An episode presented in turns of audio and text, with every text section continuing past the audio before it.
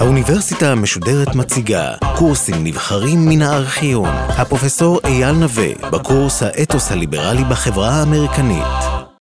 הקורס שלפנינו עוסק באתוס הליברלי בארצות הברית. לפני שנתחיל לברר קצת את מאפייני האתוס הזה ולבדוק את התפתחותו לאורך זמן, בואו ננסה ולהגדיר לעצמנו מה זה אתוס. אתוס, כפי שאני תופס את זה, זוהי השקפת עולם כוללת. אלא שהשקפת העולם הזאת איננה רק תיאור העולם, אלא גם מתן משמעות לעולם. ומתן המשמעות מלווה במשמעות ערכית. כלומר, לא רק ההסבר, אלא גם הדבר הראוי להיות. ולכן אנחנו נקרא לליברליזם בבחינת אתוס, שהוא מעין שילוב של השקפת עולם כללית, אידיאולוגיה ותפיסה ערכית. כך הדברים צריכים להיות ראויים. והטענה שבארצות הברית האתוס הזה הוא אתוס מאוד מרכזי, ולכן הוא זה שנותן את המשמעות לכל התופעות שהחברה האמריקנית עוברת לאורך זמן. נקרא לו מעין אתוס תרבותי, שיש לו מאפיינים שונים, מאפיינים כלכליים, מאפיינים פוליטיים, מאפיינים חברתיים ומאפיינים אינטלקטואליים, שמרכיבים בסך הכל את השקפת העולם הכוללת הזאת, שנקרא לה האתוס הליברלי. אם כן, מהם העיקר המאפיינים של האתוס הזה? מבחינה כלכלית, אמונה בתחרות החופשית של הכלכלה. המשק חייב להיות משק חופשי, שבו יחידות כלכליות מתחרות זו בזו. קוראים לזה לספר, כלומר הנח לדברים להיעשות, והטענה היא שאין צורך להתערב התערבות לא כלכלית במשק. אם המשק יהיה, יעבוד באופן חופשי, ללא התערבות מבחוץ, הרי בסופו של דבר חוקי ההיצע והביקוש של המשק הם אלה שיקבעו מי יצליח, מי ייכשל, מי ישרד ומי ייפול. ההנחה היא שכל אחד רוצה באמת להרוויח כמה שיותר ולקדם את האינטרסים האנוכיים שלו, אולם השילוב של האינטרסים האנוכיים האלה בסופו של דבר יוביל לרחבת החברה כולה. לכן, תחרות חופשית, שבה המחירים ייקבעו לפי סך הכל ההיצע והביקוש של המשק, היעיל ישרד, הטוב ישרד, מי שלא יעיל ולא טוב הוא זה שיפול. איך הכלכלה הזאת תכוון? יש איזושהי יד מכוונת בלתי נראית של הכלכלה, שהיא מכוונת את המשק, ואנחנו קוראים לזה מנגנון השוק, או מנגנון ויסות העצמי של השוק. התפיסה הזאת, הכלכלית, פותחה באירופה דווקא, במאות ה... שקדמו להקמתה של ארצות הברית, אבל המעניין שבארצות הברית התפיסה הזאת יושמה כפרקסיס, כמעשה, כדבר של חיים, ולא כל כך במובן האידיאולוגי של המילה. אבל צריך להבין שיש פה בסיס מסוים של כלכלה חופשית ואמונה בכלכלה החופשית, ויש שקוראים לזה גם קפיטליזם, שמאפיין את האמונה הזאת בכלכלה החופשית. מה מבחינה חברתית? האתוס הליברלי רואה בחברה לא יותר מאשר אוסף של פרטים. אין לחברה משמעות של אמת, משמעות בפני עצמה. החברה מור... היא אוסף או סכום כל הפרטים המרכיבים אותה. הפרט הוא העיקר, הפרט הוא במרכז. הוא המטרה. החברה היא קיימת, החברה מחויבת המציאות, כי פרט פועל בחברה, אבל החברה יכולה להשתנות בהתאם לפרטים שמרכיבים אותה, או מחליטים להפסיק להרכיב אותה. זאת אומרת שאין איזשהו גוף קולקטיבי שהוא הקובע, כמו מעמד, כמו גזע, כמו לאום. הגוף הוא החברה, אבל החברה הזאת איננה קובעת משום שהפרט הוא הקובע. העיקר בחברה הזאת הוא הפרט. ולכן כשיש איזשהו קונפליקט בין האינטרסים של הפרט ולאינטרסים של החברה, הרי כל עוד האינטרסים של הפרט לא פוגעים בפרטים אחרים, הם עדיפים, מבחינת האתוס הליברלי, על האינטרסים של החברה. משום שאם הוא לא פוגע בפרטים אחרים, הרי זכותו לעזוב את החברה, לא להסכים למה שהחברה קובעת, למצוא לעצמו חברה אחרת. זה לא אומר שהליברל הוא נגד חברה. הליברל רחוק מאוד מתפיסה, נאמר, אנרכיסטית. הליברל חושב שהפרט פועל בחברה, ומשמעות הדברים שהוא עושה אכן קורית בחברה, אבל הפרט הוא המטרה, הוא העיקר. החברה היא מסגרת שבתוכה המטרה והעיקר הזה באים לידי ביטוי, ולכן החברה לא יכולה להיות עיקר, אלא היא תמיד תלויה בפרטים המרכיבים אותה. מכאן שיש תפיסה ביזורית לאתוס הליברלי. כמה שיותר חברות קטנות, הפרט עדיף על חברה, וחברה קטנה בלתי אמצעית עדיפה על חברה גדולה, היינו פרט, משפחה, כשיש קונפליקט בין פרט ומשפחה, הפרט עדיף. כשיש קונפליקט בין משפחה וקהילה, המשפחה עדיפה. כשיש קונפליקט בין קהילה ומדינה, הקהילה עדיפה. היינו, יש איזושהי תפיסה ליברלית שמתבטאת בעיקר, נאמר, בחינוך, שאומרת, כמה שהחברה קטנה יותר או בלתי אמצעית יותר, הרי היא עדיפה על פני בירוקרטיות ענקיות, בירוקרטיות גדולות שבה הפרט נעלם. אה, אנחנו קוראים לזה לפעמים גם תפיסה מכניסטית של החברה, כאילו החברה מורכבת מקטעים קטעים, ממרכיבים שונים, ובכל מרכיב יש לו את האוטונומיה משלו, ושילוב של חלק מהאוטונומיה הזאת במרכיב קצת גדול יותר. מכיוון שהחברה היא אוסף של יחידים, אין לה משמעות משלה. הרי אוסף היחידים האלה מורכב ביחידות קטנות. כל יחידה קטנה, אפשר להשוות אותה למעין חלק של מכונה. החלק הזה פועל באופן מסוים במכונה הזאת, אבל הוא יכול לצאת ממכונה אחת ולעבור למכונה שנייה, ולהמשיך לפעול שם כחלק. היינו, תפיסה מעין מכניסטית של אה, החברה. מה זה אומר מבחינה מדינית? מבחינה מדינית, המדינה נתפסת כאיזשהו צורך, כאיזשהו צורך שבה אנשים יוכלו לפעול ביחסי גומלין אחד עם השני. ולכן הצורך הזה חייב להיות כמה שפחות דורסני, כמה שפחות חזק. הוא חייב להיות מוגבל, ולכן המדינה נתפסת כדבר שהוא שלילי משהו.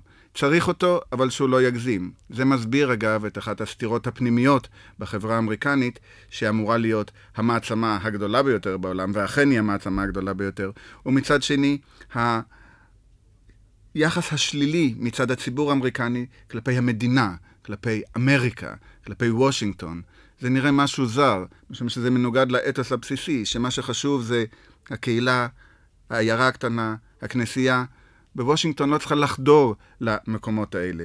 וזה מביא, לפחות בעידן שלנו, לבאמת פרדוקס נורא, שהמעצמה הגדולה ביותר בעולם, אזרחי, רוב אזרחיה בכלל לא יצאו מגבולות המדינה שהם נמצאים שם. לא כל כך מעניין אותם מה קורה בוושינגטון, בוודאי שלא מעניין אותם מה קורה בעולם כולו, ויש איזושהי הרגשה שמה שמעניין אותם זה החברה הקטנה הסובבת אותם ולא יותר. זה משולב בתפיסה החברתית או המדינית של אה, האתוס הליברלי.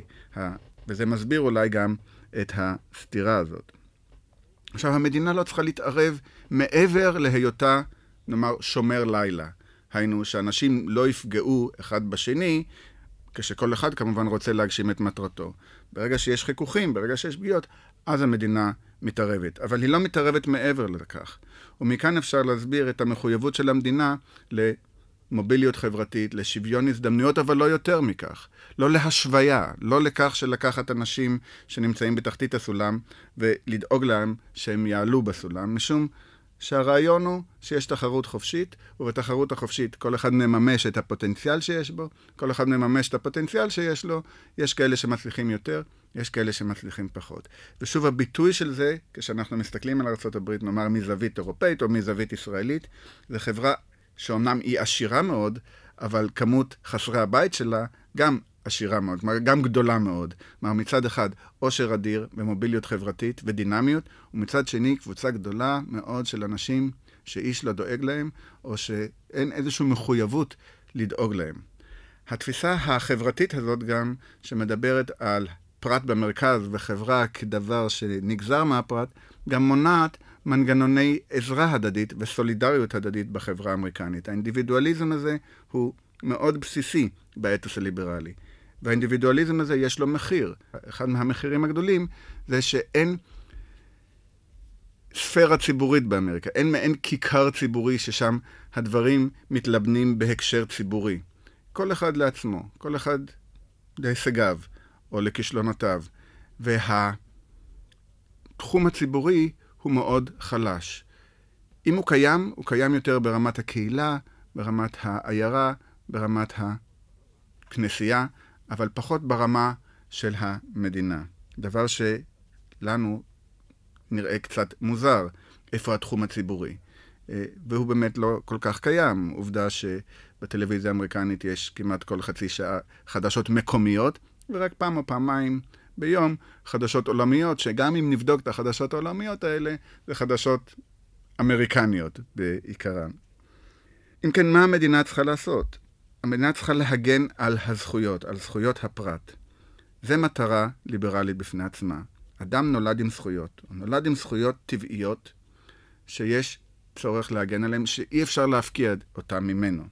והזכות לחיים, לעצם החיים, אין לפגוע בה, אלא אם חייו של אדם אחד פוגעים בחייו של אדם אחר, ואז צריך להתערב. אבל כל עוד זה לא קורה והחיים לא נפגעים, אין לפגוע בחיים עצמם, ולכן כל מיני רעיונות כמו הקרבה למען איזה משהו אחר, נראית מאוד מאוד מוטל בספק בהקשר של האתוס הליברלי.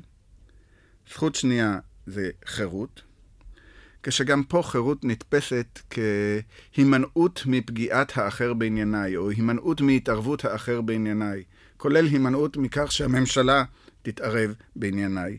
כך, יש מישהו כינה את זה חירות שלילית. והחירות היא איזשהו תחום שבו אדם יכול לממש את עצמו, ובתחום הזה לא, לתחום הזה לא חודרים. מי קובע את התחום? פה כמובן החוקים. החוקים קובעים את התחום של החירות, שצריכה להתממש באיזשהו קונטקסט, שיגרום לכך שהחירות של אדם אחד לא תפגע בחירותו של אדם אחר. וכמובן, הזכות השלישית, שמשולבת עם התפיסה הכלכלית, זה הזכות לקניין. קניין היא זכות טבעית. היא זכות שגם נותנת לאדם איזושהי אחריות, יש לו חלק ונחלה בחברה, תרתי משמע, ולכן הוא יכול גם לממש את זה באופן פוליטי. ואכן מבחינה פוליטית, המימוש של האתוס הליברלי מתבטא ברעיון הייצוגיות. בני אדם נולדו חופשיים, הם זכאים לקניין, ואם הם כאלה, הם יכולים לממש את זה על ידי בחירת נציגים לאספות מסוימות שיממשו את הזכויות הטבעיות שלהם, וזה תפקיד המדינה, לממש את הזכויות, לא כל כך לממש כמו להגן על הזכויות הטבעיות האלה מפני פגיעה של גופים מסוימים בתוך המדינה או מדינה אחרת. מכאן המדינה המוגבלת, המדינה כשומר לילה, המדינה שלא מתערבת יותר מדי בעניינים של האוכלוסייה. מבחינה אה, תרבותית, אידיאולוגית נקרא לזה, האתוס הליברלי לא קובע מה מותר ומה אסור. בבסיסו האתוס הליברלי סובלני.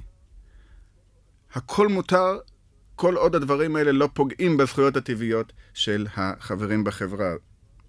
ולכן יש רמה מאוד גבוהה של סובלנות לאתוס הליברלי, לפחות להלכה. אה, לא קובעים מה ראוי או מה אסור, לא קובעים נורמות של התנהגות בלתי ראויה. כל עוד ההתנהגות הזאת לא פוגעת בעצם החיים, הקניין, החירות של תושבי החברה המסוימת, אפשר לחיות איתה ולא צריך לצאת נגדה. כך אפשר, שאפשר לומר שהיעדר ערכים מוגדרים מקדיש באתוס הליברלי דווקא את הערך הסובלנות. סובלנות כהיעדר ערכים מוגדרים. יש גם שיקראו לזה פלורליזם, למרות שיש הבדל די משמעותי בין תפיסה של סובלנות לבין תפיסה של פלורליזם. פלורליזם היא בהרבה יותר קיצונית מסבלנות, כי סבלנות טוענת שאני סובל את מה שאתה עושה. אני לא מסכים איתו, אבל זה נסבל. תפיסה פלורליסטית היא תפיסה שלא מעמידה את הדברים על פני היררכיות. אתה עושה מה שאתה עושה, ואני עושה מה שאני עושה, ולא אחד סובל את השני, אלא אנחנו מקבלים את זה כמובן מאליו, שכל אחד, בעצם היותו אדם אוטונומי, יכול לבחור בין האופציות האלה של הפלורליזם, שהן אופציות בלתי מוגבלות לחלוטין, כל עוד זה לא פוגע בעצם הקיום אה, ובעצם היכולת לבחירה. הפועל יוצא של תפיסה רחבה כזאת, סובלנית, פלורליסטית, פועל יוצא של זה מן הבחינה הדתית, היא כמובן הפרדת הדת והמדינה. אבל צריך לומר שזה לא בדיוק הפרדת הדת והמדינה, כי אנחנו יודעים שבארצות הברית, למרות הפרדת הדת והמדינה, יש אוכלוסייה רבה מאוד שמגדירה את עצמה כדתית. אפשר לומר שזו המדינה המודרנית, שבה רוב האוכלוסייה, קרוב ל-90% מהאוכלוסייה, מגדירים את עצמם כדתית. ואפילו על הדולר כתוב In God We Trust, וכל נשיא אמריקני ש... או כל מועמד אמריקני למשרה פוליטית חייב לסיים את נאומו So Help Me God, כלומר אלוהים הוא בתוך השיח הפוליטי. וזה נובע באמת דווקא בגלל הפרדת המימד המוסדי של המדינה מהמימד המוסדי של הכנסייה. כלומר, הפרדה של state ו-church, לא הפרדה של politics ו-religion. כלומר, הפרדת המוסד המדינתי מהמוסד הכנסייתי נותנת אפשרות בתרבות ובשיח הליברלי להכניס ולערב את שני הדברים האלה. אפשר שפוליטיקאי ישתמש במונחים דתיים, ואף כומר או איש דת או רבי לא יגיד לו שהוא מחלל את שם שמיים לשווא, משום שהוא עושה את זה בלי שיש לו איזשהו מוסד שיגיד לו כך ראה וקדש. מן הצד השני, העובדה שאין כפייה מוסדית דתית, גורמת לכך שאין צורך לחילוניות לוחמת בכפייה הזאת, ולכן רוב הציבור כן מגדיר את עצמו במונחים דתיים, מוסריים, אה, יהודים נוצרים או תנ"כיים, וכך מונע מעצמו להיגרר לכיוון האתאיסטי, שעדיין נחשב כאיזשהו דבר לא ראוי בחברה האמריקנית, אפילו של היום. היכולת להיות בקשת מאוד גדולה שבין אורתודוקסיה מוחלטת לבין אתאיזם מוחלט, גורמת לכך שאכן רוב הציבור האמריקני נמצא בקשת הגדולה הזאת. הוא לא מגדיר עצמו כאורתודוקס מוחלט ולא מקיים את כל המצוות, אבל לא מגדיר את עצמו כאתאיסט מוחלט, וכך בתוך הקשת הזאת יש אפשרות לביטוי דתי של חלק מהאמונות שלו. ואיך אמר אייזנהאור בזמנו? אה, אמריקני הוא אדם שהולך לכנסייה ביום ראשון או לבית כנסת בשבת. לא חשוב לי מה הדת, העיקר שהוא עושה את זה, העיקר שהוא הולך. וזה מעיד על איזושהי תפיסה דתית שונה לחלוטין מאשר התפיסה שאנחנו מכירים ב... נאמר, עולם האירופאי, או אפילו במדינת ישראל. כך שהסתירה הזאת בין דתיות רבה מאוד לבין מחויבות להפרדת הדת והמדינה, היא בעצם לא סתירה אם אנחנו מכניסים אותה לתוך הקונטקסט הליברלי הכללי. כל המרכיבים האלה, הכלכליים, החברתיים, הפוליטיים, המנטליים של האתוס הליברלי, פעלו בחברה האמריקנית מכתחילה. הם פעלו והם שימשו את מנהיגי החברה הזאת מרגע התיישבות האדם הלבן בצפון אמריקה. אלה לא היו דברים של נחלת הפילוסופים, הם לא נכתבו בכתבי אינטלקטואלים, הם לא אה, נאמרו בסלונים שונים של האליטה החברתית, אלא הם היו פרקסיס, הם היו חלק מהחיים, חלק מאורך החיים. אני מניח שגם רוב האנשים לא הגדירו את, את הדברים האלה כפי שעכשיו אנחנו מנסים להגדיר אותם. זה חלק מה, מתפיסת עולם שמקבלים, ואין שום תפיסת עולם משמעותית אחרת שמתנגשת לתפיסת העולם הזאת. מכיוון שכך, האתוס הזה הוא דינמי. בתוך האתוס הזה יש מתחים. בתוך האתוס הזה יש כיוונים לכאן או לכאן. ולכן הוא לא אתוס תיאורטי, הוא לא קפוא. זה לא איזושהי תיאוריה שיש לה היגיון לוגי, אלא זה ניסיון חיים. זה ניסיון חיים שבו האתוס הליברלי עדיין מנסה לתת משמעויות. עכשיו, הניסיון הזה כנראה עדיין חשוב, ועדיין מחזיק מעמד, משום שלא קם אתוס שמתנגד לו. עדיין בשם האתוס הליברלי נעשים כל הקונפליקטים הפנימיים באמריקה. כל אחד חושב שהוא מממש את האתוס יותר טוב מהשני, אבל אין קבוצות משמעותיות, וכנראה לא היו גם לאורך ההיסטוריה האמריקנית, שפגעו בעצם האתוס, שטענו שהאתוס הוא שגוי, שצריך להחליף אותו במשהו אחר. פה ושם יש, אבל הם נדחקו באמת לשוליים, ולא היו משמעותיות בשיח הפוליטי שהתרחש בארצות הברית, ועדיין מתרחש בארצות הברית. כי לאתוס הזה באמת יש גם ביטויים פוליטיים טכניים שצריך אה, להוסיף. אה, מכיוון שהפרט הוא במרכז, יש לו זכות לבחור את נציגיו. יש לו זכות לבחור את נציגיו, הרי יש פה תפיסה של רפובליקניזם, של שלטון הייצוגי. גם פה יש כמובן אה, התפתחות, לא כולם, בהתחלה דיברו רק על גברים לבנים, אבל העובדה שיש מחויבות לזכות בחירה, בסופו של דבר מביאה גם להרחבת זכות הבחירה. השוויון הוא בפני החוק, אבל השוויון הוא לא שוויון חברתי, אה, ולכן אין אה, תנועות בארצות הברית שלוחמות למען שוויון חברתי. מכאן אפשר להסביר את הסוציאליזם החלש יחסית בארצות הברית. התנועות של שוויון הם שוויון ההזדמנויות, לתת את שוויון ההזדמנויות. ואם יש תנועות שלוחמות למען אה, זכויות של מיעוטים אלה ואחרים, הזכויות הן במונחים של שוויון ההזדמנויות. יש פה מיעוט שנפגע, שהזדמנויות שלו לא מומשו לפי האתוס הליברלי, צריך להילחם כדי אה, להגשים את זה.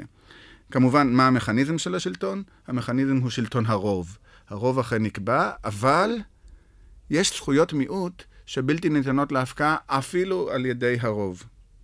וכאן יש איזשהו איזון בין הכרעת הרוב לבין זכויות המיעוט. מי קובע את הדברים האלה? אוקיי, פה כמובן יש איזושהי מערכת די פורמלית שקוראים לה חוקה, שהיא תקבע מהן הזכויות שבלתי ניתנות להפקעה גם על ידי רוב. עכשיו, החוקה הזאת עצמה מרסנת את שרירות השלטון, היא גורמת למנגנוני כוח שונים שמעלים קבוצות אלה או אחרות למנהיגות האמריקנית, והיא עצמה בתהליך של התפתחות מתמדת וגמישות מתמדת, ואנחנו נעסוק בזה באחד מהשיעורים הבאים. כעיקרון, חיבור כל המאפיינים האלה, הכלכליים, החברתיים, הפוליטיים והמנטליים, הוא זה שמעניק איזושהי ייחודיות לניסיון ההיסטורי האמריקני, שהוא אמנם לא ארוך כפי שקיים באירופה, אבל הוא מאוד משמעותי משום שהוא מעין נושא דגל, שלפחות ב-200 השנה האחרונים, יותר ויותר חברות מנסות להסתכל על הניסיון הזה במגמה לחקות את הדברים הטובים שבו, ואולי להימנע מהדברים ההרסניים שלו. בהמשך הקורס אנחנו ננסה לעמוד קצת באופן ספציפי יותר על פעולת האתוס האמריקני הזה, לפחות בשלבי העיצוב של החברה האמריקנית, וקצת, נמק... וקצת נתמקד על המאפיינים הטובים שלו, שראויים לחיקוי, וגם נציג את המאפיינים הבעייתיים שלו, שלא תמיד ראויים לחיקוי.